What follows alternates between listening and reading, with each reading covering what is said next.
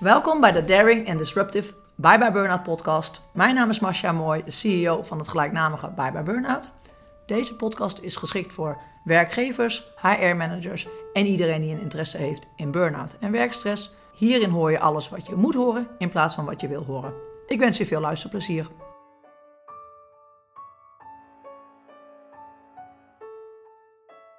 Vandaag gaan we het hebben over risico's. Iedere burn-out kent zijn eigen unieke aanloop, uitingsvorm en herstel. Iedereen is immers anders en geen situatie is hetzelfde. Dat maakt een burn-out ook zo dusdanig complex. Niet alleen voor degene die erdoor getroffen is, maar ook voor dienstomgeving. Onder wie dus managers. Wie weet is de hoge druk slechts de druppel geweest en ligt de echte oorzaak heel ergens anders. Misschien is er in een korte periode veel veranderd in iemands leven, waardoor hij de energie om te werken niet meer op kan brengen.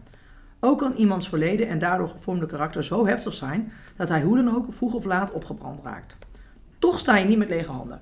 Er is namelijk wel degelijk een aantal kernelementen te onderscheiden aan de hand waarvan je de kans op een burn-out kunt voorspellen. We hebben het dan niet alleen over werkgerelateerde we hebben het dan niet alleen over werkgerelateerde en privéfactoren, maar ook over bepaalde persoonlijkheidskenmerken en de maatschappij waarin we leven. Maar bovenal spelen factoren die te maken hebben met een psychische werkbelasting, zoals werkdruk, gebrek aan autonomie en ontplooiingsmogelijkheden een grote rol. Er zijn een aantal risicogroepen. Om te beginnen is er een aantal risicogroepen te onderscheiden. Je hebt ze vast ook in jouw organisatie rondlopen en waarschijnlijk wil je ze absoluut niet kwijt. Medewerkers die perfectionistisch gedrag vertonen, altijd als later de deur achter zich dichttrekken en bijzonder loyaal zijn. Dit zijn de harde werkers die voor de beste bedrijfsresultaten zorgen. Maar het zijn ook degenen die het grootste, het ook die het grootste risico lopen op een burn-out. Een andere groep die in de gevarenzone zit, zijn de spreekwoordelijke haantjes op de werkvloer. Deze zelfverzekerde types zitten vol bravoure. Ze zijn dol op prikkels en afwisseling en floreren bij reuring. Maar ook zij zijn gevoelig voor een burn-out. Aspecten als leeftijd, opleidings- of beroepsniveau en arbeidsduur kunnen een rol spelen bij het risico op een burn-out. De invloed van deze factoren is echter relatief klein en in de huidige benadering van burn-out min of meer te verwaarlozen. Hetzelfde geldt voor beroepsgroepen. Overspannenheid en burn-out kwamen in het verleden vooral voor bij medewerkers in het onderwijs, de zorg, de bouw en de functies met een hoge verantwoordelijkheid. Tegenwoordig raken echter ook duizenden mensen in andersoortige beroepen, zoals in de financiële sector, opgebrand. De beroepsgroep lijkt er nog maar weinig toe te doen. Neem als voorbeeld David. David was al ruim acht jaar voor een groot internationaal financieel bedrijf werkzaam toen hij een burn-out kreeg. David is een loyale werknemer met een groot verantwoordelijkheidsgevoel en heeft altijd hard gewerkt. Hij was graag overal bij aanwezig, was prestatiegericht en ging makkelijk over zijn grenzen heen. Binnen de organisatie waar hij werkte heerste een harde Anglo-Saxische cultuur. Er werd veel flexibiliteit van hem verwacht en er werd geen rekening gehouden met zijn situatie als alleenstaande vader. Hij had daardoor ook nog eens een keer een conflict in zijn rol. Ook waren er veel wisselingen in het bedrijf. Zo werd er een nieuwe manager aangesteld met wie het niet klikte, wat invloed had op David. Al deze omstandigheden hebben ertoe geleid dat het hem te veel werd. David kwam thuis te zitten met een burn-out. Er zijn een aantal redenen waarom werknemers stress ervaren op het werk. Ik zal, een, ik zal een aantal factoren uitleggen die, die van invloed zijn op de belastbaarheid. Iemand met een veel eisende baan loopt meer risico op overspannenheid en burn-out. Denk daarbij aan een hoge werk- en tijdsdruk in combinatie met weinig tot geen regelmogelijkheden en een tekort aan herstelmomenten. Een volgend punt zou kunnen zijn een baan met een hoog percentage arbo-risico's. Lawaai, fysiek zwaar werk of gevaarlijk werk. dit verhoogt het risico aanzienlijk. Als we bijvoorbeeld kijken naar werknemers die onvoldoende tot geen waardering voor hun werk ervaren, deze mensen lopen meer kans op onzekerheid of demotivatie. En dat zijn ook weer vormen van stress. Het gaat dan bijvoorbeeld om het ontbreken van regelmatige positieve feedback of om gebrek aan autonomie. Wat ook een trigger kan zijn, is spanning. Spanning kan, kan veroorzaakt worden door een negatieve sfeer en een instabiele situatie, teweeggebracht door snelle, impactvolle veranderingen, zoals reorganisaties. Dit soort veranderingen hoort bij het werkende leven, maar kan toch een enorme impact op medewerkers hebben. Onduidelijke of ontbrekende communicatie en een tekort aan ondersteuning kan funest zijn. Wat ook van belang is, is bijvoorbeeld een negatieve invloed van het werk op de thuissituatie en een combinatie van hoge taakeisen, beperkte regelmogelijkheden en weinig sociale steun.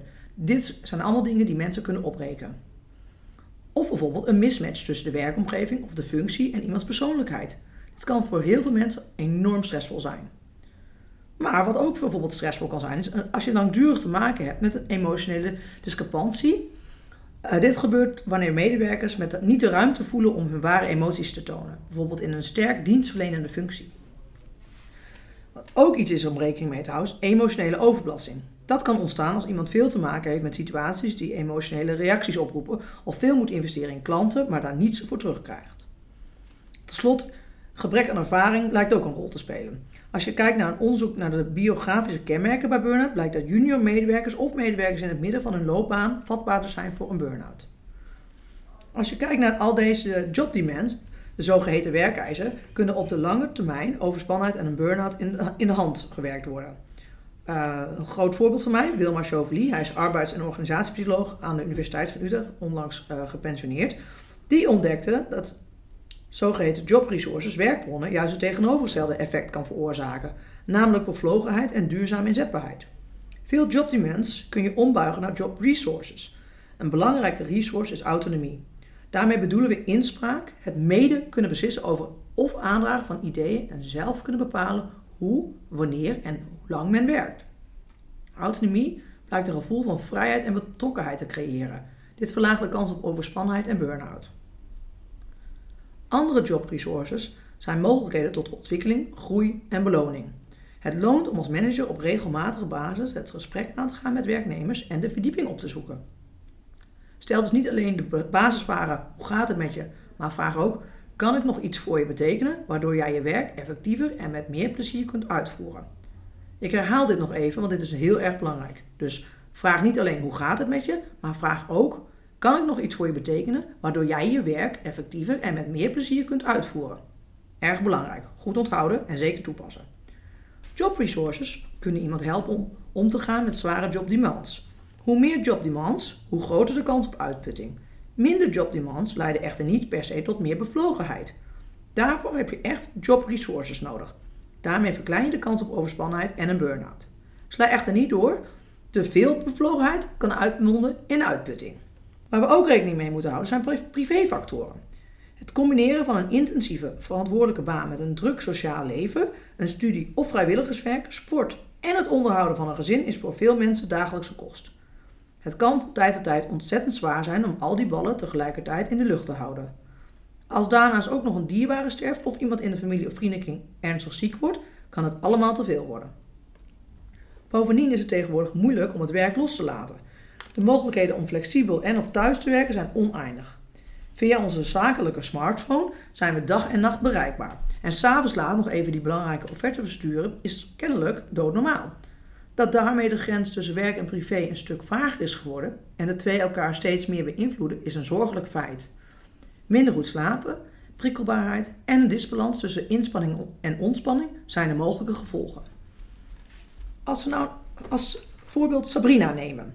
In november kreeg Sabrina een burn-out. Een uitval van een collega over iets wat niet tot haar taken behoorde was de directe aanleiding van haar uitval. Maar er speelden in de afgelopen acht jaar ook veel heftige privézaken in Sabrina's leven. Sabrina is een alleenstaande moeder en kostwinner. Ook liep ze door haar bevalling een posttraumatische stressstoornis op, die ze nooit volledig heeft verwerkt. Sabrina had al ruim twee jaar last van een te hoge werkdruk en had, dit, en had dit destijds verschillende malen aangekaart bij haar manager. Ze voorzag zelf dat ze mogelijk opgebrand zou raken als dit langer door zou gaan. Hoewel ze een goede band had met haar manager, deed deze te weinig om de situatie te veranderen. Wel kreeg ze een coach toegewezen via personeelszaken deze kon echter niet veel voor Sabrina doen. Zij kon namelijk prima haar grenzen aangeven, maar op managementniveau werd niets aan de situatie gedaan. De hoge werkdruk bleef omdat de taken niet werden overgenomen of anders verdeeld. De coach adviseerde Sabrina om zich ziek te melden bij haar werkgever. De combinatie van privégebeurtenissen en de werkdruk die ze ervaarde leidde uiteindelijk tot de eerder verwachte burn-out en uitval, die, er, die, als er was ingegrepen, voorkomen had kunnen worden. Als iemand zoals Sabrina met een aantal van de eerder genoemde werk- en privéomstandigheden kampt en daarnaast over bepaalde persoonlijkheidskenmerken beschikt, is het recept voor een burn-out min of meer compleet. Of iemand die persoonskenmerken van nature bezit, karakter, of dat ze aangeleerd zijn, gedrag, dat maakt eigenlijk niet uit. Maar er zijn nog een aantal andere kenmerken die de kans op een burn-out vergroten. Bijvoorbeeld medewerkers die zich erg loyaal opstellen, voor wie niets te veel lijkt, die graag voor anderen klaarstaan, zichzelf regelmatig wegcijferen en het lastig vinden om hun grenzen te bewaken, zijn vatbaarder voor fysieke en mentale uitputting. Dit zijn de spreekwoordelijke afvalbakjes van de afdeling. En dat klinkt heel vervelend en dat klinkt heel naar, zo is het niet bedoeld. Uh, maar waarschijnlijk kennen we allemaal wel iemand die aan dat profiel voldoet.